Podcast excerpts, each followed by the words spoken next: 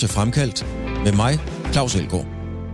Michael Mørkøv er ubetinget en af de bedste i verden til det, han gør, og Michael Mørkøv kører på cykel. Han har lige genvundet sit verdensmesterskab i parløb, han er olympisk mester, og han er europamester. På landevejen kører han for storholdet Det König Quickstep som såkaldt lead-out-mand. Også her betegnes han som en af de allerbedste på sit felt. Her kan du høre Mørkøv fortælle om ydmyghed og jantelov, om at parkere frygten for at styrte med 70 km i timen, og hvordan hans far ændrede hele hans mindset om cykelsport, og i øvrigt også resten af livet. Michael Mørkøv er gæst i Fremkaldt. Mørkøv, øh, hvor, hvor kommer du egentlig fra? Sådan, hvad er din baggrund sådan familiemæssigt?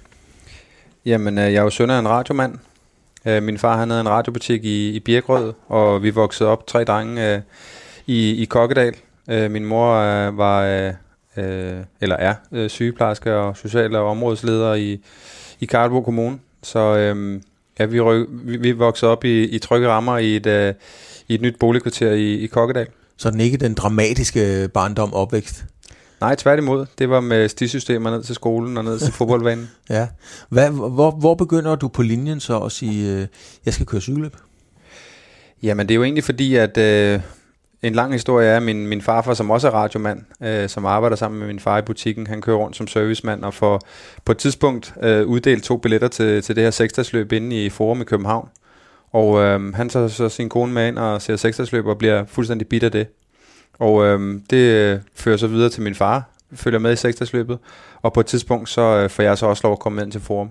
Og øh, jeg skulle ikke mange gange ind i forum for at finde ud af, at, øh, at det her cykling og, og seksdagsløb i særdeleshed, det er virkelig... Øh, det bare fangede mig. Altså øh, både øh, hele showet, øh, musikken, øh, lyset, øh, lyden, rytterne, øh, øh, ja, alt omkring det var vanvittigt fascinerende. Mm. Hvem var det dengang? Var det Vækkerby? Nej, det kan det vel ikke have været. Gert Frank, Vækkerby kører?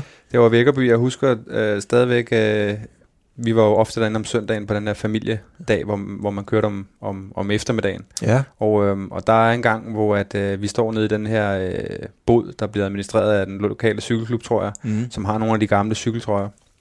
Og øverst op på væggen, der hænger Jens Vækkerbys Panama 7 trøje ja. med, med Dankort-reklamer på, hvidt rygnummer.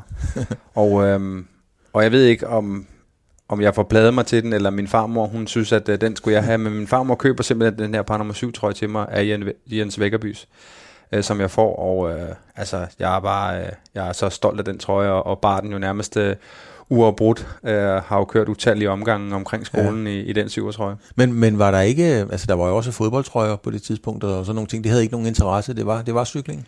Jamen, jeg spillede fodbold på det tidspunkt, øh, da jeg begyndte at, at være med til seksdagsløb, og var Ja, har altid været stor fan af Michael Laudrup. Ja. Øhm, og havde også en trøje fra, fra, jeg tror han spiller Real Madrid på det tidspunkt. Øh, men, øh, men nej, det var, øh, det var cyklingen, jeg blev, blev grebet af, øh, efter at have været inde og se seksdagsløbene. Ja.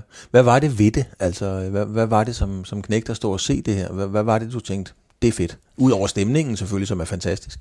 Jamen, jeg synes bare, at i seksdagsløbet var der så mange øh, parametre, men jeg tror virkelig, har jeg altid været enormt betaget af også af det tekniske, øh, det vil sige cyklerne. Mm. Øh, at de er super flotte cykler, og øh, altså ja, min far han var også en, øh, en gør-det-selv-mand, radiomekaniker, som selv skruede på ting og sager. Han havde en gammel racer derhjemme, som jeg nogle gange fik lov til at stå og skrue lidt på, så jeg var meget fascineret af, af både det sportslige, men, men også det, det tekniske om, omkring uh, cykling, og det er jo et, uh, stadigvæk den dag i dag. Ja, vi sidder jo uh, det, det, vi sidder nede i din kælder et sted i København, og der står uh, de mest, uh, det er jo klinodier, altså det specialbyggede cykler, den dyreste slags, og cykler, du har vundet VM og OL på osv. Dem vender vi tilbage til. Hvad, hvad, hvad var I for et hjem, uh, Michael? Var I, altså, talte I politik, eller uh, kunne I se X-faktor, hvis der var det dengang, og sådan noget, eller hvad, hvordan, hvad, hvad lavede I? Jeg tror mest bare, vi så fangerne på fortet om mandagen. Ja. Og så, øh, da det blev afløst af, af Robinson, så var det det. Og øh, så husker jeg også, at vi så mandagschancen. Ja. Øh, men, men det var egentlig øh, meget stille og roligt. Øh, vi var tre drenge. Min bror, mine to mindre brødre, Jesper og Jakob, begyndte også at cykle. Øh, og øh, ja, øh, vi blev en cykelfamilie. Øh, min far og mor, de øh, pakkede glædeligt øh, øh, kurven hver eneste weekend og, og kørte afsted mm. øh, med os til cykelløb. Nogle gange så skulle vi jo starte klokken 7 om morgenen nede i Næstved, ja. og så holdt vi dernede med morgenbrød og, og kaffe hele dagen og, og, og kørte jo i hver vores øh, respektive klasser. Mm-hmm. Og øh, ja, vi blev, vi blev en cykelfamilie og, og, og nød jo det sammenhold, vi fandt øh, i cyklingen. Men hvornår begynder du så at finde ud af, at øh, det kan du faktisk godt finde ud af? Jamen, øh, jeg har jo aldrig nogensinde været noget særligt stort talent, og, og vandt i virkeligheden heller aldrig rigtig noget som drengerytter, men, men kæmpede egentlig altid bare om at hænge på, og, og prøve at se, om jeg kunne gøre min præstation bedre, og se, om jeg kunne måske snige mig til en præmie eller en top 10'er. Mm-hmm. Øh, jeg tror først, det er som junior, øh, jeg kører ind på cykelbanen og finder ud af til noget Danmarksmesterskab, at jeg faktisk ligger op omkring øh, medaljerne, og, og også begynder at udvikle mig, og, og bliver også dansk mester i pointløb øh, som junior, og der, det, det tror jeg faktisk, det er første gang, det går op for mig, at, at, at det kunne jeg måske godt drive til lidt mere, end, end bare at køre for sjov. Men det var på, tænkte du bane der isoleret, eller tænkte du også landevej? Nej, der tænker jeg isoleret bane. Det, var bane. Det, det har det hele tiden været fra starten af, fordi ja. jeg var simpelthen ikke god nok på landevejen, så, så, så der var ikke plads til at drømme på landevejen, øh, følte jeg ikke. Der var jeg langt efter øh, mange af de andre. Og så den naturlige udvikling derefter er jo, at, øh, at øh, jeg, får at vide, jeg får påbud hjemmefra om, at, øh, at jeg må hjertens gerne cykle, men mm. jeg skal have en uddannelse. Der var ikke nogen vej udenom. Og hvad blev det for en uddannelse? Jamen, øh, der, der prøvede jeg jo så at, at fedte mig frem til, hvad, hvad for en uddannelse kan jeg tage, og stadigvæk kunne cykle. Mm. Øh, og jeg var færdig med at, at gå i skole, da jeg øh, gik ud af folkeskolen. Det var, jeg kunne ikke se mig selv fortsætte på skolebænken. så så det, det, der lå lige til højre benet, det var jo at, at, at gå i gang med en håndværksmæssig uddannelse. Ja. Øhm, og der gik jeg i lære som tømmer. Jeg ja. altid godt kunne lide at, at lave noget selv, og, og gøre det også den dag i dag. Øhm, så jeg stod i lære i fire år hos, øh, hos Lundbæk og Hansen i Holte, og, øh, og fik en masse frihed af, af Kim Hansen, som var min tømmermester, og mm. øh, som i øvrigt den dag i dag, øh, så sent som i går, holdt en, en guldfest for mig ude på øh, hans adresse ude i øh, Tuborghavn, øh, med, med det nyvundne nyvundne guld, så, så han, har været, han har faktisk været en hjørnesten i hele min karriere, helt tilbage fra den gang, hvor han tog mig i lære som tømmer. Ja. Vi sidder som sagt nede i, øh, i din kælder i, et, øh, i dit hus et sted i Københavnstrup. Øh, og der er jo, man kan jo tydeligt se håndværket, fordi at der hænger jo øh, værktøj, cykelværktøj, ja almindelige værktøj, men du skruer i cykler, der hænger, øh, der hænger hjul øh, rundt omkring cykelhjul, og så står der jo en, en speciallavet, meget, meget flot cykel her i rummet ved siden af din røde, det er jo det, du vandt OL på, ikke? Jo, det er rigtigt. Øh, og, og VM-cykler og så videre. Det man lægger mærke til med det samme, det er jo, at øh, normalt når jeg tænker værktøj, så er der, så er der sådan lidt olie og sådan noget på. Der er altså ikke meget olie på dit værktøj, kan jeg så lige hilse at sige. Det står bare pivrent. Ja, det bliver tørret af, øh, inden det kommer op på væggen igen, så det er klar til næste gang. Og faktisk, øh, den her sav, jeg har hængende heroppe til venstre, det, er jo, den, det var den allerførste sav, jeg fik i, i lære som tømmer. Den købte min far til mig. Ja. Øh, så øh, så den, øh, den er der blevet passet på. Den, er, den har... Ja, den er over 20 år på banen. Og du har øh, de, de, nogle, nogle ting, som har en stor affektionsværdi for dig. Du har for eksempel, som du fortæller, din sav der. Er det meget typisk for dig at have noget, der har affektionsværdi? Ja, det er det. Jeg holder virkelig fast i, i de ting, der, der betyder noget for mig. Jeg, jeg føler ikke, at jeg er sådan en, en klunser, der, der, der, der gemmer på hvad som helst. Men, men, men jeg har rigtig mange ting, som har betydet for mig, noget for mig på et eller andet tidspunkt. Det kan eksempelvis være den her sav, som min far købte til mig, da jeg, da jeg skulle gå i lære. Og øh, ja, men nogle af de cykler, jeg har vundet på, øh, men også nogle cykler, jeg har... Øh, for eksempel har jeg en Colnago hængende her, som jeg var sygt fascineret af som drengerytter, som jeg aldrig nogensinde kunne få råd til og, og, og nu er jeg så kommet til et sted i mit liv, hvor jeg har lidt bedre økonomi, end da jeg var ja. drengerytter, ja. og lige pludselig faktisk kunne købe lige præcis den ramme, jeg drømte allermest om, da jeg var drengerytter. Og, og, og så, så, så har jeg simpelthen købt den, øh, bare, for, bare fordi jeg kan, og ja. bare fordi jeg synes, at det er, ja, det, det er det, der tænder mig ved cykelsporten. Og herover der står jo et, det ligner en Formel 1-bil, altså det ligner en McLaren racer, øh, helt bogstaveligt. Øh, hvad er det for en cykel? Jamen, øh, det er jo en øh, Pinarello, ja. som jeg har fået lavet øh, her øh, efter OL øh, af Fausto Pinarello, mm-hmm. øh, sønnen af, af, af den originale Pinarello. Og, øh, og det er jeg selvfølgelig utrolig stolt over, at det er, ja, det er en, en fantastisk cykel. Jeg har jo netop, øh, det var den, jeg vandt VM på i søndags, så, øh, så den, øh, den har kørt et løb, hvor den har vundet en guldmedalje. Kommer den til at køre flere løb? Det håber jeg. Ja. Øh, Nå, men det kan godt være, at du sagde, okay, den cykel har kørt et løb, den vandt guld, færdig arbejde. Nu, nu skal den være bare udstilles. nej, nej, nej, det skal den ikke. Den skal, heldigvis er det jo sådan med banecykler, det bliver næsten aldrig slidt op. Nej. Det kan blive lidt forældet i forhold til, at der kommer noget, der er hurtigere, men ellers så, øh, så kan det jo køre i en evighed. Og øh, det, der, det, jeg glæder mig ufatteligt til rigtig meget nu, det er, at her fra den 11. til den 13. november, der skal vi køre tredagsløb ud i Ballerup. Ja. Det er lidt en afløsning af, af det seksdagsløb, der var før i tiden. Mm-hmm. Og øh, det bliver jo faktisk øh, første chance for Lasse og jeg til at køre i de nylig vundne øh, VM-trøjer. Ja. Og i øvrigt også øh, ja, første gang, vi kan få lov at køre herhjemme, øh, efter vi vandt OL-guld. Øhm, så, øh, så det ser jeg vildt meget frem til at få lov at køre foran hjemmebane publikummet i, i de flotteste trøjer, der findes i cykelsporten. Den er, den, er, den er sort, og så har den det her sådan lidt guldagtige øh, på. Øhm, og ellers er den jo meget fri for mærker, riser og skrammer osv. Øh, er, er den fuldstændig... Der findes kun den cykel. Den er specielt bygget til dig i alle ender og kanter. Ja, det er den. Den er specielt lavet til mig, og jeg var nede øh, på fabrikken og, og fik lov at vælge, øh, hvordan den skulle males, hvordan den skulle lakeres, hvordan den skulle designes, øh, blev målt op præcis, øh, hvordan øh, ja, den, skulle, øh, den skulle skæres til. Så, øh, det, så det er en helt speciel cykel, og det er jo også noget, jeg, jeg i dag kan sidde og nive mig selv i armen over, øh, da jeg var drengerytter og, og stod nede i, i Lønby, øh, øh, Lønby Center og kigge ind i, i Ritter cykler og så på øh, de Pinarelloer, der hang op i loftet der. Ja. Jeg drømte jo om at, at bare have råd til at købe en af dem. Mm. Og, og lige pludselig så står jeg i, i den situation, jeg er i dag, nede på Pinarellos fabrik, og øh, øh, øh, Fausto Pinarello, han står og spørger mig, hvordan jeg ønsker at få min cykel malet. Det er jo, det er jo en, en, en hver øh, dreng øh, strøm. Var du en dreng, der drømte? Altså havde du dagdrømme? Altså drømte, tillod du dig selv at, at drømme tanker om Tour de France, øh, regnbuefarve trøjer, eller, eller hvordan var du egentlig? Nej, slet ikke. Nej. Øh, og der tror jeg, jeg har været stærkt påvirket hjemmefra af min far, som jeg vil sige, var meget... Øh, han, han var meget optaget af janteloven, hvis man kan sige det sådan ja. på den måde. ja. øh, og, og, og, og grunden til, at... Øh, at jeg nævner det, det er, jeg kan huske, at jeg som drengerytter på det tidspunkt, hvor jeg sådan begynder måske at føle, at jeg er lidt bedre, og at jeg måske godt kan opnå et eller andet, og, og prøver måske sådan i en personlig udvikling, og, og faktisk øh, finde noget, øh, noget tro på mig selv. Øh, så, så kører jeg et cykelløb, bliver måske lige omkring øh, præmierækken, og så på vej med bilen, så siger jeg til min far, jeg tror sgu godt, jeg kan vinde øh, næste søndag nede i Ringsted der. Og så siger han bare, ja, men der er også mange andre gode med.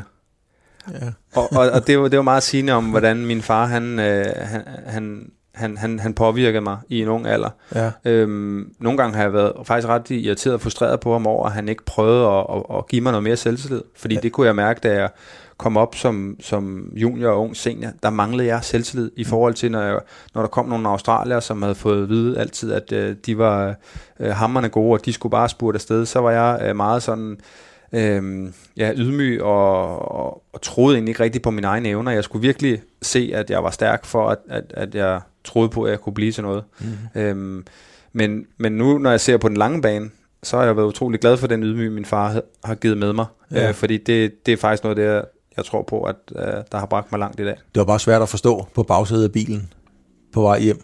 Lige, jeg, lige jeg tror, jeg kan vinde Ringsted. Nu har, nu har jeg, jeg har simpelthen lige taget øh, samlet mod til mig og sige til min far, at jeg tror altså godt, jeg kan vinde det i Ringsted næste weekend, ja. og så blev den skudt uh, fuldstændig til hjørne. Hvordan tænker øh, en, en Michael Mørkøv så? Altså, fordi det, hvad, hvad tænker man så, når man sidder der på bagsædet? Jamen, så tænker jeg, men det er jo, det har han jo nok ret i. Selvfølgelig er der mange andre gode, og det var, jeg, jeg, jeg tillod mig måske også at, at drømme lidt stort på det tidspunkt, mm. øh, men man fik jo hurtigt skudt det til hjørne, og, og en opfølging på det er jo også, at at nu i dag sidder jeg og er olympisk mester og øh, fire gange verdensmester, har kørt på World Touren i mange år, har øh, været med i, jeg ved ikke, øh, mange Tour de France, og er, er ufattelig stolt af alt, hvad jeg har præsteret. Der var ingenting af det, jeg drømte om som, som dreng overhovedet. Altså, jeg har aldrig tur drømme om at blive verdensmester. Jeg har ikke tur drømme om at være med i Tour de France. Det er noget, der er kommet løbende. Så min målsætning har hele tiden været, du ved, jeg blev junior Danmarksmester i pointløb. Det mm. næste var at prøve at se, om jeg kunne blive det for senior så var det, om jeg kunne komme med til en, en World Cup og, og køre et Europamesterskab, at det har hele tiden været sådan, sådan små step. Mm. Hvor jeg, jeg har andre kollegaer, som siger, men altså, da de var 10 år, der var de sikre på, at de nok skulle blive verdensmester en dag. Ikke? Men, men um, sagen er et godt billede, det er affektionsværdi, du fortæller, og den har jo printet sig ind i din bevidsthed, historien om, hvad, hvad din far sagde, da du sagde, at du troede, du kunne vinde i, øh, i Ringsted, og, og, og alt det, du har samlet her, det er meget bløde værdier, det er rigtig, rigtig fint. Men hvor kommer skiftet så? Fordi at man kan jo ikke køre Cavendish og, og, og de andre første over stregen adskillige gange på bløde værdier. Nej, øh, det, det er rigtigt. Og, men jeg føler, at det, det er kommet simpelthen stille og roligt. Og faktisk, uh, Cavendish er jo et, et, et, et, uh, en af mine en af mine favorithistorier. Mm. Øh, Cavendish og jeg er jo samme årgang. Mm. Og vi støder på hinanden tidligt allerede som ungdomsrytter og juniorrytter ude og køre internationale mesterskaber. Han kører selvfølgelig for England, jeg kører for Danmark. Øh, og Mark Cavendish er ikke noget specielt overhovedet. Han er Altså han, han er med, men, men ikke, han ligger ikke og vinder noget specielt. Han er, men han er en dygtig cykelrytter. Øhm, så derfor er der også mange af os, der stusser over, da han faktisk allerede i en meget, meget ung alder får en kontrakt med, med T-Mobile. tænker, det var lige godt satans, at, at han skulle køre på T-Mobile. Det, altså, så kunne jeg lige så godt køre, tænker vi, mange af os. Øhm, og så går han jo simpelthen ud og laver et gigantisk gennembrud. Øh, allerede i sit første Tour de France vinder etaper. Mm. I løbet af få år har han jo øh, sprængt alle rammer og vundet, øh, gud ved hvor meget. På et tidspunkt, hvor jeg, jeg er ikke blevet professionel endnu. Jeg kører stadigvæk baneprojekt, øh, og har slet ikke niveau til at altså, være med til U23-VM, eller, eller drømme professionelt. Øhm, og, og nu er det så, man kan sige, nu er det så gået sådan, at, at Cavendish, han, han slår jo virkelig igennem i sin første år, og har jo er blevet en af verdens allermest vindende, øh, og måske også en, en af de mest ikoniske cykelryttere øh, i, i den her tid. Øh, men har jo så de seneste år virkelig øh, falder ned og haft svært ved at, at holde øh, det tempo, hvor, at, hvor der er jeg ligesom kommet stille og roligt, og så på et tidspunkt er vores linjer krydset, hvor at jeg faktisk har, har fået overhånd, til trods for at vi egentlig kommer det samme sted fra. Og nu har han så fået lidt, øh, lidt gang i karrieren igen her med hans fantastiske Tour de France sidste år, hvor vi kører sammen og på en eller anden måde øh, krydser linjer igen. Og det er jo, jeg synes jo, det er en, en fantastisk historie i sporten, det her med, at man kan se, at, at to rytter, nu siger jeg ikke, at vi har samme udgangspunkt, Nej. men vi har samme alder, mm-hmm. øh, og har ligesom vokset op på banen osv., osv., at der kan være så gigantisk forskel på, hvordan, for, øh, hvordan ens karriere den forløber. Vi vender lige tilbage til markerskabet med Cavendish, fordi det er ret interessant. Men over på stolen øh, til venstre, venstre for dig, må det være, ikke? Jo, der ligger, øh, der ligger jo den, øh, en, en VM-guldmedalje, øh, og så ligger der jo noget for mig af det smukkeste inden for alt sport, nemlig den regnbuefarvede trøje. Og jeg kan fortælle dig, Michael, øh, i gamle dage, der gik jeg til cykelløb med min far. Vi kom på Ordrebanen der har og, også været. Ja, og, øh, og nogle gange kørte Peter Petersen, den store sprinter, Store Peter, han kørte derude, og så kørte Niels Fredborg der også. Og en dag så kørte Peter i sin, øh, i sin regnbuefarvetrøje. Uh, han kørte mod en franskmand, en fantastisk franskmand, Daniel Morillon, som vandt verdensmesterskabet 6-7 gange. Fantastisk rytter. Men Peter i den regnbuefarvetrøje. Og ved du hvad? Han kom hen til mig, og han klappede mig på kinden, uh, og jeg fik en autograf. Det er jo fantastisk. Det er den samme historie, som du oplever lidt med Jens Vækkerbys trøje. Jeg blev så bare ikke cykelrytter. Hvordan er det at tage den regnbuefarvede trøje på?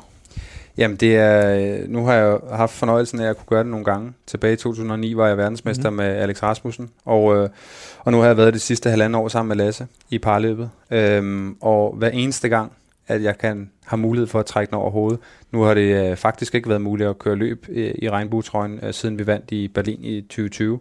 Men, øh, men jeg har kørt rigtig mange træninger ud i Ballerup, hvor jeg har øh, taget min VM-trøje på, bare fordi jeg kan.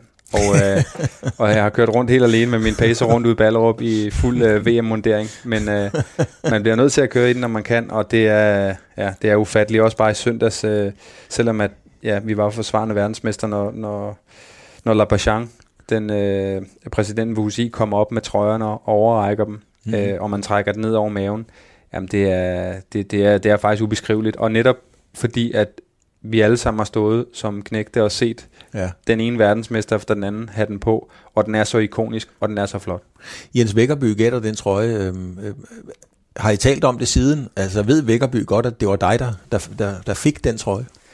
Det ved han godt, ja. Det ved han jeg godt. er jo gode venner med Jens i dag, øh, og øh, vi har jo, ja, indimellem, så, øh, så, så kører vi også nogle cykelture sammen. Jeg har jo haft et, øh, et fedt øh, lille træningshold med med Jens, øh, Brian Holm og, og Rolf Sørensen mm. også, hvor at, øh, vi, de bor alle sammen her i nabolaget, og en gang imellem så er det lykkedes, øh, når jeg har skudt på en mindre øh, hård træningstur og mødes med de her øh, øh.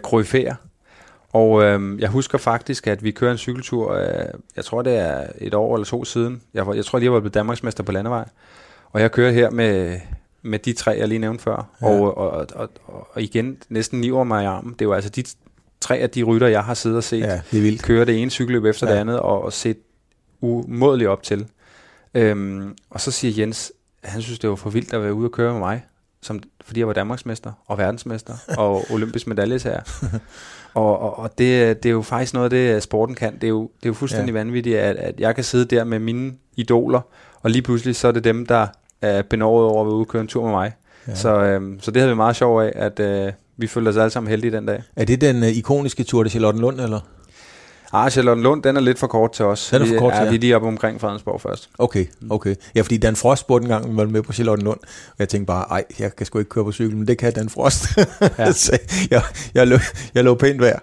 Øhm, lad os gå tilbage til Cavendish og dig. Uh, Cavendish, jeg kender ham ikke så godt. Jeg kender ham kun fra, jeg har kommenteret ham og interviewet ham, men jeg kender ham jo ikke på samme måde, som du gør. Men, men det er jo, der er jo historier om, og, og Brian har jo også fortalt, at Holm, Brian Holm har fortalt, at, at han er jo en mand, der kaster med kopper nogle gange, hvis han ikke vinder. Det gør han, han bestemt. Har, det gør han, ja. altså helt bogstaveligt. Og han, er jo, han har jo det der determinerede vinderinstinkt. Mm. Han vil bare vinde. Du må vil egentlig, eller du er ikke i en situation, hvor du kan vinde, fordi du skal køre for ham. Hvordan er det at ofre dig for de andre, så du egentlig ikke kan køre din egen vinderchance? Jamen det har jeg det faktisk rigtig godt med, og, og det er jo noget, jeg også har tillært mig. Øhm, med til historien hører jo, at, at da jeg var ung og, og kommer ind og bliver professionel på, på Bjarnes hold på Saxo Bank, mm-hmm. øhm, der er ikke nogen rigtig sprinterkultur der. Der kører man meget efter de, de store klassementer i, i Tour de France og, og, og andre etabeløb. Så, så jeg bliver ikke rigtig scoutet på nogen måde som sprinter eller, eller lead outman der. Øhm, og, og derved så får jeg heller ikke uh, rigtig uh, vist mit potentiale som, som sprinter eller som hurtig mand i de første år. Øhm, og, og, og kommer så derfor ikke rigtig ind og ind på sprinterscenen, kan man sige. Så det er faktisk først, da jeg skifter væk derfra, at, øh, og kommer til Katusha, at, at med Alexander Kristoffer, han siger, at han kan godt bruge en mand i, i spurterne, og, og jeg har jo trods alt øh, rigtig meget med fra banen. Jo. Øhm, og, og jeg finder faktisk hurtigt ud af det her med at, at, at være en lead-out mand og, og sidde fremme i de her massespurter. Det er noget, jeg er rigtig god til. Og jeg begynder så at forfine det talent, og, øhm, og, og føler egentlig nærmest øh, fortsat, at jeg bliver bedre til det. Øhm, så det er... Men, men med det, øh, og øh, i, i virkeligheden med svar på spørgsmålet, så er det fordi, jeg er kommet til den accept, at jeg er også rigtig meget en vinder. Mm. Og jeg vil rigtig gerne vinde de store cykelløb. Øhm, og det har jeg fundet ud af, at det har jeg ikke selv været god nok til. Jeg har ikke selv været god nok til at vinde et arbejde i Tour de France. Øh, og, og i øvrigt andre store massespurter, men jeg kan være med til at vinde dem, og det er det, der motiverer mig. Det motiverer mig vanvittigt meget at træne til Tour de France, og komme derned som en del af et cykelhold, der tror på, at vi kan vinde øh, to, tre, fire etapper. Øh, det motiverer mig meget mere, end selv at skulle være sprinter, og måske må acceptere, at de fleste gange bliver det til noget mellem 5 og 10, og så en enkelt gang kunne man måske være heldig, at, at, øh, at det lykkes at vinde. Men det er... Øh, ja, det er min rolle som lead outman, der motiverer mig allermest. Og det er sådan en, en, en helt analyseret, kalkuleret vurdering af, af, af, hvad du kan derude. Altså, du kommer ikke til at vinde de spurter, men, men, men du kan blive den bedste til at få dine holdkammerater til at vinde. Absolut. Altså nu de seneste par år er jeg jo kommet op og, og fået en, en status øh, og bliver omtalt som, som verdens bedste øh, lead-out-mand. Det gør du. Og, øh, og, og den position er meget vigtigere øh, for mig end, end, end selv at vinde et cykelløb en gang imellem. Mm. Og der er ofte øh, mange, der selvfølgelig spørger øh, mig, jamen altså, du, du kunne også selv lige træde den der hjem, eller kunne du ikke godt selv tænke dig at, at prøve at køre efter en masse spurt? Og det skal sige sådan, at jeg vil aldrig nogensinde sige nej tak til at vinde et cykelløb, og, og, og, og når vi kører cykelløb derude, jeg rykker også med, og, og hvis jeg kan komme ind og køre en spurt, vil jeg hellere end gerne det. Altså, jeg er topmotiveret til at køre cykelløb, mm. men, men jeg vil helst levere det, jeg er god til, og det er øh, lead out. Men sidder man nogle gange derude og kan tænke, øh, feltet kommer samlet ind, det ser vi. Øh, der mangler en 3 kilometer, og så så man jo i gamle dage Skiby nogle gange to chancen fra Spids eller Cancellara, eller hvem. Nogen, der kunne, der kunne holde tempoet. Typisk øh, nogen, der har kørt 4 km og så videre, som, som, som virkelig kan træde den hjem. Sidder du ikke nogle gange og tænker, oh, fuck man, jeg kunne sætte dem fra jul nu, og så bare køre den hjem. Nej, det gør jeg ikke. Jeg har, jeg har meget stor respekt for opgaven, og jeg har meget stor respekt for dem, jeg kører imod. Øhm, og man kan sige, at grunden til, at jeg nogle gange også ser rigtig god ud, det er jo fordi, at jeg tit uh, får lov at være den, der, der indleder spurten. Det vil sige, at jeg sætter spurten i gang og, og kører, en, uh, kører spurten op i fart. Mm. Øhm, og, og så kan det godt se mærkeligt ud, at jeg ligesom stopper, men, men det er jo fordi, at jeg i virkeligheden, min målstreg, den, den var 200 meter før mål, så, så 200 meter før mål, når, når Cavendish eksempelvis går forbi mig, så har jeg ikke mere tilbage i, i stængerne. Så, øh, så det er jo, man kan sige, jeg, jeg, jeg er med i spurten for at indlede den for min holdkopsegn. Men man synes jo, at det er fantastisk, øh, så mange sejre har været med til at vinde. Men prøv en gang, Michael, at tage os med ind i den sidste kilometer. Fordi det, altså jeg sidder virkelig og holder fast i, i stolen. Jeg, jeg, er virkelig, jeg er faktisk bange hver eneste gang, I kører de der. Jeg, jeg bryder mig simpelthen ikke om det. Men prøv at tage os med ind i det. Hvad er det, der sker, når du ligesom træder an og er lead out man? Hvad sker der derfra? Hvad, hvad, er, hvad foregår der? Jamen altså, for, for, for mit vedkommende er den fornemmeste opgave som lead-out man, det er jo at finde, finde vejen. Finde vejen i spurten og, og finde øh, den rigtige position, hvorfra sprinteren kan vinde. Mm. Det, er, det, det er den primære opgave. Den sekundære opgave, det er at indlede spurten. Så nogle gange, så, så sker der det, at, at jeg bliver nødt til at, at bruge mine kræfter på at få sprinteren i den rigtige position, og så accepterer jeg, at jeg ikke har kræfterne til måske at indlede spurten, men så kan det være, at jeg sætter ham af på en anden sprinter, som så vil indlede spurten for ham. Mm. Øhm, men selvfølgelig, så, så det fedeste for mig, det er jo, når det kan lykkes det hele, og, og man kan køre den her perfekte lead-out. Og, og der har jeg jo, øhm, det skal jo siges, at, at det er jo ikke noget, jeg kører selv. Jeg kører på et af verdens allerbedste cykelhold, det gør og du. altid til start med et fantastisk stærkt hold. Mm. Også derfor, jeg ikke ønsker at skifte sig fra lige i forløbet. Fordi jeg ved, at øh, mine holdkammerater, det er også dem, der faktisk i scene sætter mig som en, en god lead-out-mand. Det er dem, der eksempelvis Kasper Askren, han var jo outstanding i Tour de France. Øh, Præcis, det, det ja. ene, den ene spurt, vi vinder efter den anden, er jo også ham, der ligger og holder os i position, sådan så Ja. at jeg kan gå frisk ind og køre et lead-out for, for Cavendish. Men, men når du så ligger der, altså, øh, lukker man øjnene og har tunnel vision, øh, eller, eller er du nødt til at kigge på, når det er ham, der ligger der, og ham, der ligger der, så er nødt til at lægge en anden taktik, end hvis det havde været nogen andre? Ja, absolut. Altså, der, der foregår utrolig meget i, i de spurter, og jeg føler egentlig, at min, min største styrke i de massespurter, det er, at, øh, at jeg er... Øh, altså, øh, øh, jeg, er meget, jeg er klar på... Øh, jeg er meget omstillingsparat. Så øh, jeg, jeg føler lidt, at, øh, at, øh, at jeg, kan stå, jeg kan stole med på mit instinkt, når vi går ind i de her spurter. Øh, det vil sige, at øh, jeg forbereder mig utrolig meget på hver eneste spurt, på indløbet, på hvordan svingene er, på hvor bred vejen er, hvordan barriererne står, øh, hvordan vindretningen er, øh, på konkurrenterne, på hvad de har af hjælpere. Og så sidder jeg ligesom med alle de informationer, øh, fokuserer på min egen spurt, og så når jeg lige pludselig ser, øh, lad os sige, Lotto Jumbo kommer over til venstre, og jeg ved, at de har en stærk opsætning, så er det der, man gerne vil med. Mm.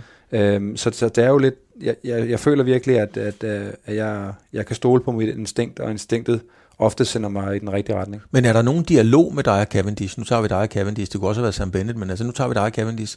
Øh, Det larmer jo ret meget ud sådan felt rent mm. faktisk. Øh, Kan I tale sammen? Gør I det? Eller er det bare, altså du har kommandoen, og han følger dig, eller hvordan foregår det? Ja, specielt under Tour de France er det fuldstændig umuligt at kommunikere. Der er så mange mennesker og så meget larm i de her målområder, at altså radioen er, er, er umulig at høre noget på, også ned fra bilen, for mm. der er så meget larm. Og, og det er også umuligt at kommunikere rytter mellem hinanden, øh, specielt når vi kommer op og ligger i de aller høje hastigheder der. Så, så for mig er der, ligger der utrolig meget forberedelse i, og i øvrigt også meget, meget vigtigt at være sammenkørte. Altså ikke bare køre den første Tour de France etap sammen, men have kørt nogle løb forud også, sådan så man kender hinanden. Mark han kan se på mit kropssprog, hvad er det, jeg kan. Begynder jeg at sidde og vrikke lidt, så ved han godt, at så skal han måske være klar til at gå med nogle andre. Øhm, så jeg føler egentlig lidt, at, øh, at det, er en, det er en forberedelsesting, at, at der er rigtig mange ting, der er gennemtalt og forberedt inden spurten. Og når så vi sidder der, så stoler han blindt på mig, Ja. og vi har aftalt nogle, nogle små øh, kommandoer, som øh, hvis jeg vifter med armen, så er det fordi, jeg har tænkt mig at sætte ham af øh, i en, en given position, og, og, og som jeg har sagt til ham mange gange, han kan være sikker på, hvis jeg er der, så har jeg også benene til at køre den hjem. Ja. Der har jo været nogle, øh, der har været nogle forfærdelige styrt på det seneste. Jeg synes jo, at der er rigtig mange styrt i alle løb hele tiden lige i øjeblikket. Men der har været nogle rigtig, rigtig grimme styrt. Øhm, hvordan påvirker det dig, altså når du skal køre det der? Fordi I ligger jo, ja hvad kører I? 70-80 eller hvad, hvad er I oppe på, når du træder ind? Ah, det er nok nærmere en 65 til, til måske et par 70, vi kommer 70. op 70. på, hvis der er Ja. medvind. Ja. Øh, men jeg, øh, det er jo en mental ting. Ja. Øh, jeg prøver på at lade det prale af, og prøver på at lade være med at dyrke det. Øh, jeg er jo ikke interesseret i at, at få nærbilleder af, af de styr, der sker, som er uundgåelige. Mm. Øh, specielt til Tour de France. Der er så meget pres på, alle skal sidde fremme. Vi alle sammen kører på nogle hurtige cykler. Alle sammen har fundet ud af, hvordan man skal træne. Så, så, så niveauet er simpelthen så højt, at øh, der er ikke plads til alle på de her smalle veje, vi kører rundt på. Og der sker jo nogle meget, meget grimme styrt indimellem. Ja. Øh, men jeg bliver nødt til, med det job, jeg har, at lægge det væk. Fordi den dag, at jeg bliver bange, så kan jeg ikke sidde en masse spurt mere.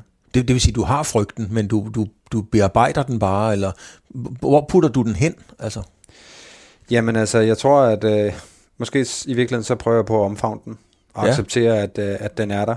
Øh, men at jeg ikke kan, jeg kan ikke gå ind i de her massespurter med frygten, fordi at så snart du går ind i en spurt med frygt, så, så trækker du dig, og, og, og så er det faktisk du også, du risikerer at styrte. Jeg føler faktisk nogle gange, at det sikreste, det er at, at gå ind i, i spurten øh, stærk, og tro på det, man laver, tro på de beslutninger, man tager, og så, øh, så komme frem i bussen, mm. og ikke sidde og, og tøve. Prøv lige at, at, at, at, at sætte nogle billeder på det der med at omfavne frygten. Det er ret spændende. Jamen altså, mit bedste eksempel er jo egentlig uh, her, da jeg starter med at blive lead-out-mand, og egentlig får kørt nogle gode lead-outs. Der er jeg med i Tour de France i, i 16 for Alexander Kristoff, og er for første gang blevet hans sidste mand i, i lead-outet. Og, uh, og vi kører første etap, der skal spurgte som gul trøje. Uh, øvrigt uh, Cavendish, der vinder den. Uh, men med 500 meter til mål, der sidder jeg helt inde langs barrieren i højre side, og der kommer en åbning, og jeg tænker, nu kører jeg fandme Alexander i gul der. Det var min drøm. Øh, men præcis i samme sekund, der er der en øh, tilskuer, der har en telefon ude igennem øh, stakittet, mm. som, øh, som rammer mit øh, bremsegreb, så jeg bliver simpelthen øh, slynget om kul midt i den her massespurt og slår mig øh, gevaldigt meget. Og øh, ender også med at udgå af det Tour de France, fordi jeg simpelthen er for skadet til at kunne fortsætte. Øh, og det styrt var jeg rigtig bange for. Øh, måske vil sætte stopper for min, øh, min karriere som, som lead outman eller sprinter. Men, men i virkeligheden så tror jeg, at jeg har brugt så meget, øh, jeg havde så mange overvejelser omkring det, at det egentlig blev min styrke. Ja. Fordi jeg følte faktisk, hvis jeg skal være ærlig, at da jeg kom tilbage og kørte spurt igen, der var jeg mere frygtløs, end jeg var før det styrt. Hvad er, øh, hvad er egentlig sådan, skal man sige, den fysiologiske forskel på, på, på dig og Cavendish? Altså, hvor, hvorfor er det egentlig, at Cavendish ikke kører spurten for dig? Jamen, øh, jeg vil faktisk sige det sådan, at øh, der er ikke den store fysiologiske forskel. Og øh, jeg har også slået ham rigtig mange gange ja. i spurterne til træning. øh, men øh, jeg vil jo vælge at sige det sådan, at, at det er jo lidt... Han har kvalificeret sig til at være sprinteren. Og det har han på den måde, at da han var helt ung, så, bliver, så kører han op i de her massespurter helt for sig selv, uden noget hjælp, og vinder spurterne. Og på den måde gør man sig fortjent til at få et hold, der støtter op om en. Mm det, det kunne jeg ikke selv gøre. Jeg har også som ung prøvet at køre massespurterne. Øhm, jeg har været heldig at vinde en enkelt. Det var rigtig heldigt, det var i Spanien rundt. Den er jeg jo rigtig stolt af. Den ja. hænger faktisk lige deroppe foran uh, Cancellara. Ja, der, der sidder du sgu. Ja, det er i Dannebrogstrøjen. Ja, det er fantastisk. Vi hentede Tony Martin uh, øh, 20 meter før stregen. Ja. Uh, det er min uh, eneste Grand Tour sejr, men, ja. men det, er, det, det er sådan nogle sejre, der, der, der vejer tungt for professionelle cykelrytter at have vundet en etape i en Grand Tour. Det ja. er det, er, det er solidt. Det er solidt, det man roligt. Øhm, så den er jeg ufattelig stolt af. Ja. Men, men, men øh, eksempelvis så, øh, så kørte jeg også spurten dagen inden, og blev nummer 50. Ja. Så det er jo klart, at, at jeg var ikke en rytter, der var værd at satse på som, til, til sprinter. Så jeg formodede simpelthen ikke i, i en ung alder at selv at slå igennem og, og, og blive øh, blive en rytter, der blev sat sig på i spurterne. Men, men er det også fordi, at, at øh, sådan øh, muskulært, at øh, en, en, en, øh, en, en Sam Bennett, øh, Cavendish, Sabel i gamle dage, øh, øh, de store sprinter, er, er de mere eksplosive? Altså kan du bedre holde den i halvanden, to kilometer, og så er de mere eksplosive på de sidste? Øh. Øh, nej, faktisk så, så vil jeg sige, at, øh, at jeg er også meget eksplosiv. Jeg er måske mere eksplosiv, end jeg er udholdende i spurterne. Så mm. et af mine fordele, det er, at øh, jeg har et rigtig godt kick. Ja. Og det er faktisk noget, der er rigtig godt i lead-outen, øh, til at få, på, få sat farten op på, på kort, kortest mulig tid. Øh, jeg føler selv, med, med de sprinter, jeg har kørt med for nylig, Cavendish Bennett, at sådan rent fysiologisk er, er meget tæt på dem. Øh, men, men, men det er dem, der har kørt sig til, til pladsen som, som sprinter, og så hører det også med til historien, at, at jeg føler også sådan fysisk, at jeg har udviklet mig rigtig meget de sidste par år, så måske for et par år siden var jeg mere øh, given øh, lead out man, hvor i dag kan man, kunne man godt nogle gange diskutere og sige, jeg kunne også godt køre en spurt. Mm. Og, og, og som udgangspunkt, så, så vil jeg hjertens gerne øh, spurte til målstregen, men jeg ved også bare, at, at jeg er rigtig god til at få placeret den her sprinter. Så det er ikke sikkert, at det vil være øh, den samme, øh, der vil blive vundet lige så meget, hvis, hvis eksempelvis Cavendish skulle placere mig. Men den her, sådan skal vi sige, øh, meget ydmyge tilgang til det, fordi du kunne jo teoretisk skifte til et andet hold, og så var det måske dig, de kørte for, og videre. Ikke? Øh, eller du kunne tage Tony Martin, og måske en af dem, der kunne finde på at køre 3 km før mål, for at se, om man kan køre den hjem, og så kunne du få den chance også. Øh, har det altid været sådan, var du, var du sådan en dreng i skolen i konfirmationsårene, som ledte og fordelte, sørgede for, at alle fik lidt og, og så videre? Altså, havde du også den rolle dengang, at du ikke bare selv tog hele kagen?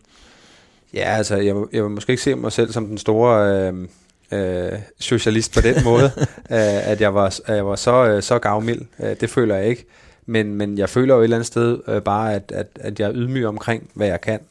og, øh, og, og føler, at, at jeg har, har fundet min plads øh, i den her lead-out-rolle.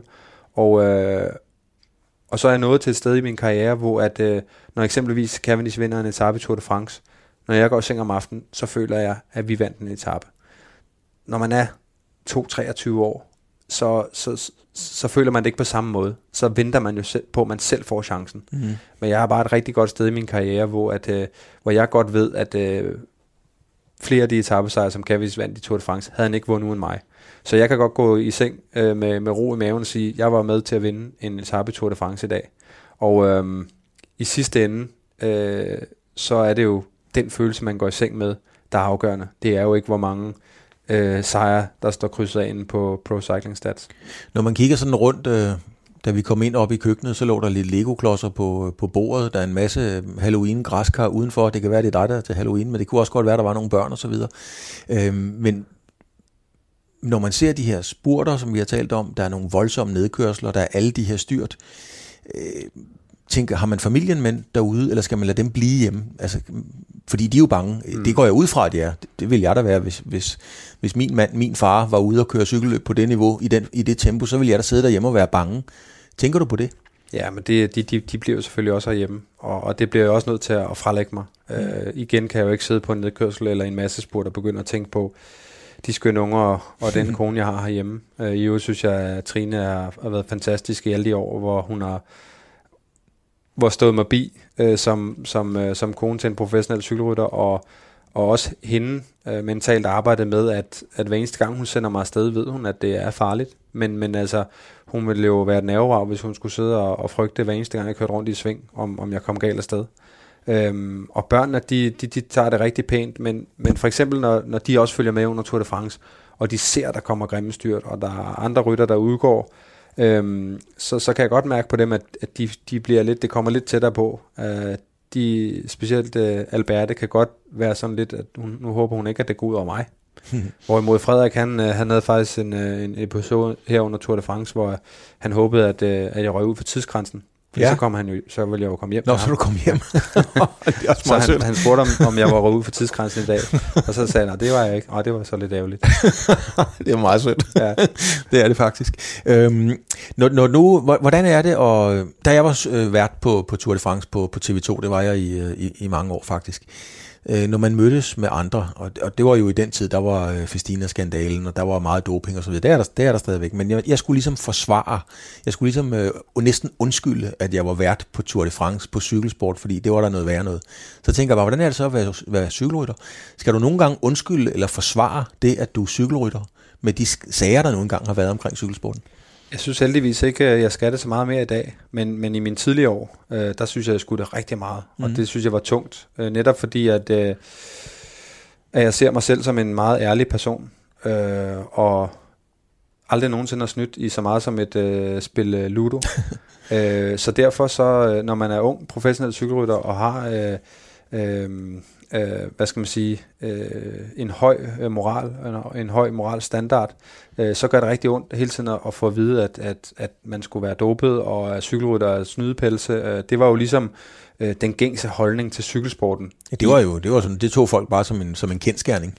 Ja, fuldstændig. Altså. Og jeg har stået mange gange øh, altså til, til, til, til selskaber og, og ting og sager, hvor folk har sagt direkte til mig, at du er dopet. Ja, præcis. Øh, og og, og det, det, det, det, har, det har gjort ufatteligt ondt, men, men det har jo ligesom bare været et vilkår, at, at jeg måtte leve med. Øh, og, men nu synes jeg alligevel i dag, at, at nu er de der sager og den tid, øh, hvor, hvor det var helt galt i cykelsporten, kommet så meget på afstand, at jeg føler en større respekt for, for, for publikum i forhold til os som atleter, og, og, og dopingspøgelset, det er, det er forduftet stille og roligt. Selvfølgelig kommer det op ind imellem, og der er også nogle mennesker, der har stadigvæk en, en meget stærk holdning til, at, at vi må være dopet, hvis vi kan køre tre uger i, mm. i Tour de France.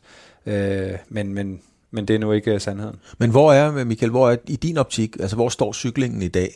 Fordi man kan sige, at øh, i al den tid, jeg, jeg kan ikke huske, Slovenien har lavet gode cykelrytter, og nu er der lige pludselig et par stykker, der kører rigtig stærkt. Og hvis man ser det udefra, hvis man sidder i Uzbekistan eller USA, Australien og kigger på Danmark, så er der også en masse danskere, der vinder rigtig påfaldende mange løb osv. Hvor i din optik står cykelsportens troværdighed i dag? Jamen, i mine øjne, så, så står den rigtig højt. Jeg vælger at tro på, at, at, øh, at det er så rent, som det kan være. Men, men, men jeg er også en person, der vælger at, at stole på... Øh, øh, et fremmed menneske, der kommer og fortæller mig en historie. Jeg vælger at tro på hans historie, indtil det modsatte er bevist. Mm. Øh, og det er, måske er jeg lidt naiv som menneske, øh, men, men det har jeg det egentlig bedst med. Øh, jeg vil egentlig hellere være øh, lidt naiv på, på cykelsportens vegne, end at, at gå og skulle øh, se efter spøgelser øh, rundt om hver eneste hjørne.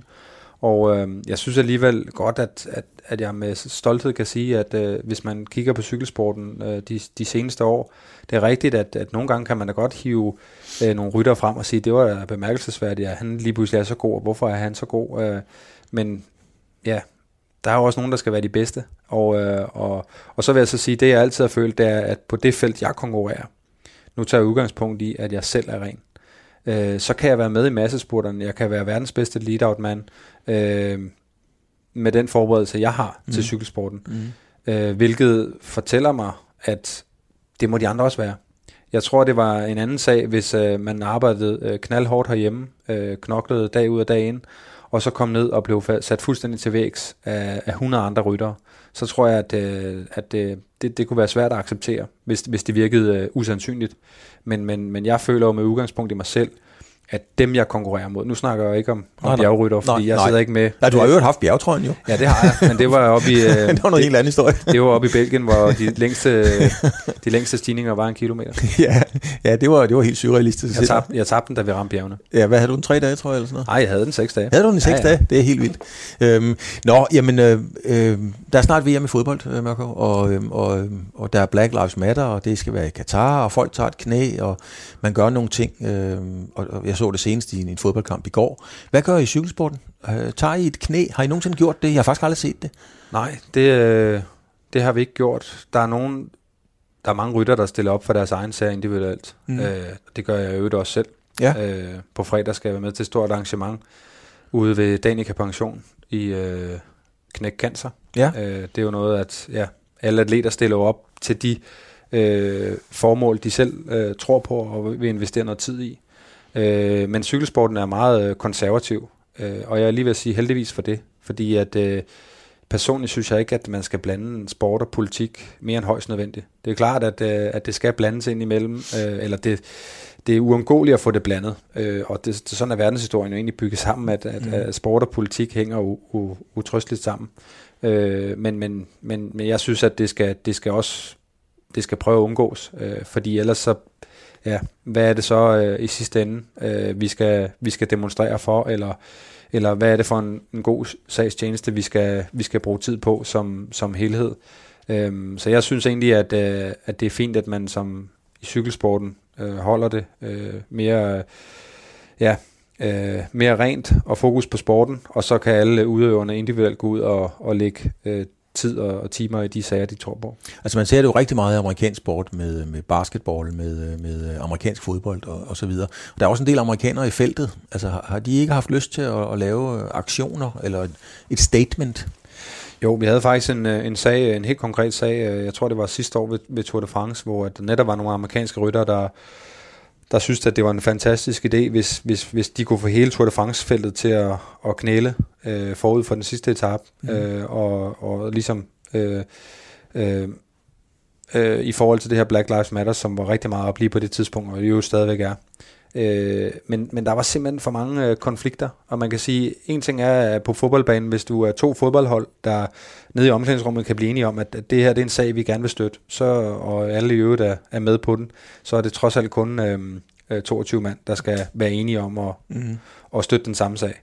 Hvor at øh, i sådan et cykelfelt her, der er vi jo 180 ryttere øh, fra øh, alverdens forskellige lande og kulturer, øh, så, så, så det er simpelthen for umuligt at, at, at, at finde en, en, en ensretning i, øh, hvad det er, man skal støtte. Øh, fordi ja, du har jo øh, simpelthen øh, nationaliteter, der så konflikterer direkte mod øh, Black Lives Matters, eller, eller øh, øh, Pride, eller hvad man kunne finde på at, at stille sig op imod. Hvad, hvad, du, altså, hvad, hvad sagde din stemme i den sammenhæng? Fordi du er jo en plads i hierarkiet i feltet, hvor man lytter til, hvad Mørkov siger. Altså, hvad sagde du? Jamen, jeg sagde, at øh, jeg synes ikke, vi skulle gøre en, en sådan, øh, sådan ting. Jeg synes, at, øh, at vi skal holde os til, at, øh, at vi er sportsudøvere.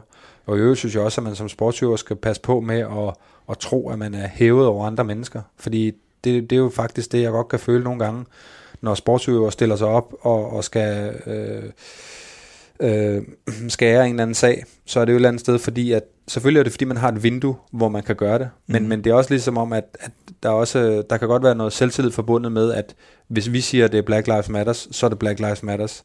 Hvor, hvor det føler jeg ikke, at, at jeg er, er, er i en position til. Jeg føler, jeg er en cykelrytter, jeg føler, jeg er en atlet, som godt kan lide at cykle, og jeg vil gerne konkurrere om at komme først til, til målstregen. Øhm, og jeg vil hjertens gerne støtte en rigtig mange øh, gode sager. I øvrigt også øh, Black Lives Matters. Ja. Øh, men, men jeg synes, at øh, det skal holdes uden for... Øh, skal det være en privat sag? Altså? Det skal være en privat sag. Det skal ikke være øh, cykelsportens opgave. Hvad, synes du generelt, at, øh, at, at, at sportsfolk, atleter, øh, skal holde sig fra at have en, en holdning eller mening, eller, eller hvordan skal jeg forstå det?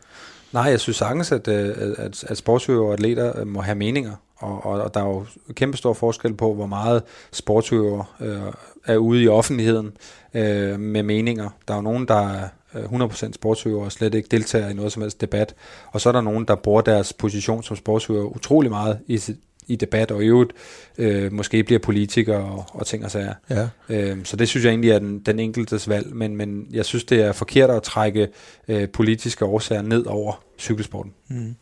Det er jo på et eller andet tidspunkt, øh, Mørko, så, øh, så, så, øh, så synger den fede dame, som man siger. Det vil sige, så er det ved at være slut, og så skal du køre din, uh, din sidste lead out. Øh, hvad for nogle tanker har du gjort dig om, hvornår det er? Jamen altså, det, jeg synes, det er, jo, det er jo, på en måde bliver det mere og mere uklart. øh, fordi at øh, da jeg var ung, så, øh, så havde jeg jo havde man bare en idé om, at man kører ind, så man er i midten af 30'erne. Ja. Og det er nu, plus et år. Det må man sige. øh, og så har jeg begyndt at tænke, jamen altså, der er også nogen, der kører sådan til slutningen af 30'erne. Det er meget sjældent, der er nogen, der kører, når de er over 40. Øh, men omvendt, så, øh, så synes jeg simpelthen, at jeg har udviklet så meget de seneste par år, og finder mere og mere fodfæste det, jeg laver synes også, at jeg formår at forfine det, jeg kan. Mm. Altså, jeg, jeg, jeg bliver også bedre øh, til lead-outsene. Altså, den statistik, øh, jeg har i år, hvor, hvor at jeg, ja, jeg tror, vi vandt det til at starte med i sæsonen med 7 ud af 8 mulige sejre med Sam Bennett, mm. og så vinder vi de her fire etapper med, med Cavendish i turen. Øhm, det er jo det er noget, der motiverer mig utrolig meget til at, at fortsætte med at, at blive endnu bedre til og, og for eksempel fra næste år af, der, der bliver jeg sat sammen med, med vores øh, helt unge, øh, øh, hvad skal man sige, øh, stjernehåb, øh, Fabio Jacobsen, ja. som er kommet tilbage fra det her voldsomme styrt, han havde. Ja, pur. Øhm, jeg har jo haft fornøjelsen af at køre med ham og vundet nogle løb med ham også tidligere. Øhm, og jeg finder rigtig meget motivation i at måske være med til at, at bygge ham op og sætte ham op til at, at være fremtidens helt store sprinter. Men, men øh, lige præcis med den med du har derude som, øh, som lead-out man, hvor, hvor man skal jo være eksplosiv, kan man sige. Ikke? Øh, øh alderen taget i betragtning, kan du så blive ved med at have den eksplosivitet to-tre år endnu? Altså, fordi det er jo en fysisk grænse, kan man sige. Det kan være, du kunne køre en timerekord, men, men, men har du stadigvæk de røde blodlemmer eller de, de røde muskelfibre til at, at køre lead-outen, når du, når du bliver 37, 38, 39? Jamen, det må tiden jo vise. Men, men der er jo rigtig mange, der allerede for flere år siden har sagt, at, at du kan ikke være lead-out-mand og levere topspurter i, i en alder eller i midten af 30'erne. Det er noget, der hører øh, slutningen af 20'erne og, og 30'erne til. Øh, og det har jeg jo ligesom modbevist. Og øh, jeg føler, jeg både nu her er på noget nær min fysiske top, set over de seneste mange år. Mm. Øh, men jeg har også bare så meget erfaring, at, at, at jeg ved også præcis, hvordan jeg skal dosere mine kræfter og min, min hurtighed. Øh, så jeg føler egentlig lidt, lidt, at det, jeg er i gang med nu, det er noget, jeg kan blive ved med. Øh, men jeg er også realistisk, at jeg forventer også, at jeg lige pludselig en dag tænker, nu kan jeg ikke være med i de her spurter mere. Det er, det er forventeligt. Men er du i den situation nu, du er så specialiseret som lead-out man, så den dag, du ikke kan det, er du så brugbar i feltet?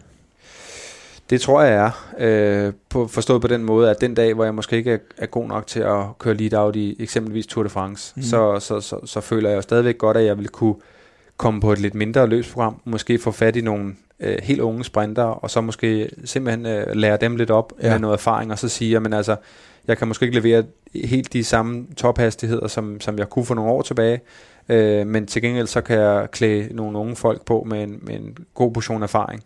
Øh, om, om jeg så finder motivationen til det, det må tiden jo vise. Men altså, som udgangspunkt har jeg jo forlænget med, med det Kønning Quickstep for to år mere. Ja. Så jeg kører til, til slutningen af 23 forhåbentlig.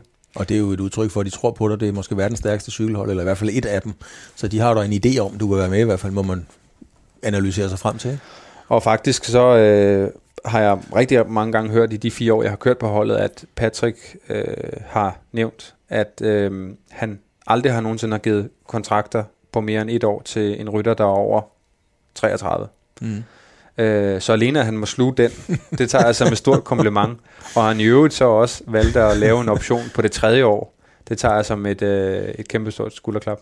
Michael, programmet hedder Fremkaldt. Det er fordi, der er en tradition for, at jeg altid tager et billede af min gæst, så det vil jeg lige gøre nu. Øhm, øh, det gør vi med et kamera der, og så skal jeg bede dig om at jeg kan lige fortælle lytterne, øh, hvordan, øh, hvordan du ser ud. Vi sidder som sagt nede i kælderen her, og man kan se, at øh, du sidder i en, øh, i en sort trøje med et logo på. Jeg faktisk ikke rigtig se, hvad det er. Jo, det er en cykel selvfølgelig. Ja, selvfølgelig er det der.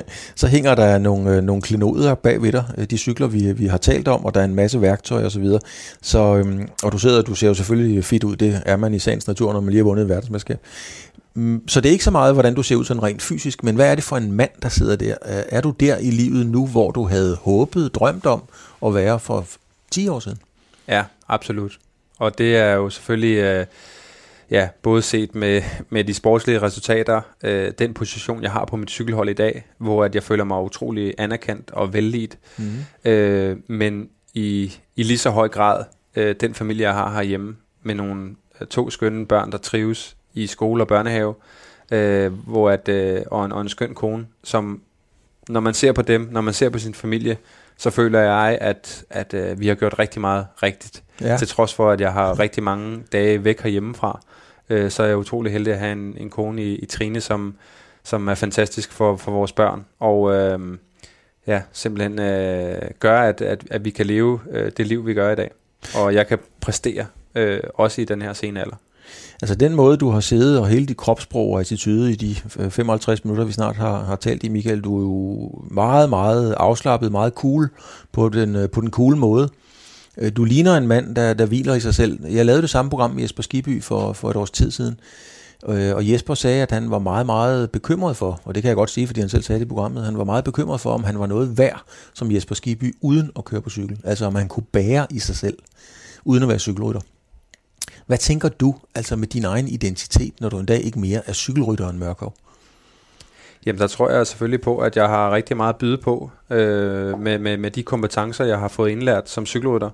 Og, og det er selvfølgelig ikke øh, at køre hurtigt på cykel, øh, men det er også måske lige så meget det her med, at, at jeg har kunne lære fra mig til unge mennesker, øh, at jeg indimellem faktisk har måske det, der minder lidt om en, en lederstilling på et cykelhold, når jeg kører som sportsdirektørens øh, forlængede arm øhm, så er jeg jo ligesom sportsdirektørens mand, der skal have rytterne til at samarbejde. Mm. Øh, så, så jeg føler lidt, at øh, med de her mange år, og måske også ja, den, den, den hårdhed og den disciplin, jeg har tillært mig for at, at nå hertil, øh, føler jeg jo nogle kompetencer, som jeg vil kunne bruge i, i mange forskellige sammenhænge. Og de sammenhænge, er det at sidde i bilen, som Brian Holm gør i dag, eller et helt andet sted? Jamen det kan, både, det kan være både og. Øh, jeg håber rigtig meget at kunne blive cykelsporten, fordi det er, det er jo her, det, det, det ligger mit, mit hjerte nær, og om, og om man ved det eller ej, så er det jo også her, jeg har mine største kompetencer. Men jeg er ret øh, sikker på, at, at, at mange af de ting, jeg har tillært mig og oplevet, sådan noget her med at arbejde med, med mange forskellige kulturer. Altså, øh, jeg kører på et cykelhold, hvor vi er øh, måske 15 forskellige nationaliteter. Mm. Øh, jeg skal gå fuldstændig forskelligt til en italiener og en spanier og en belgier. Øh, nogen kan man lave jokes med, andre kan man ikke lave jokes med. Øh, nogen skal man ikke øh, trykke for meget på maven, og, og andre skal man af lidt med hårene. Øh, det synes jeg alt sammen er personlige kompetencer, som, som, jeg, som har beriget øh, min personlighed, og som jeg også tror på øh, beriger mig fremover.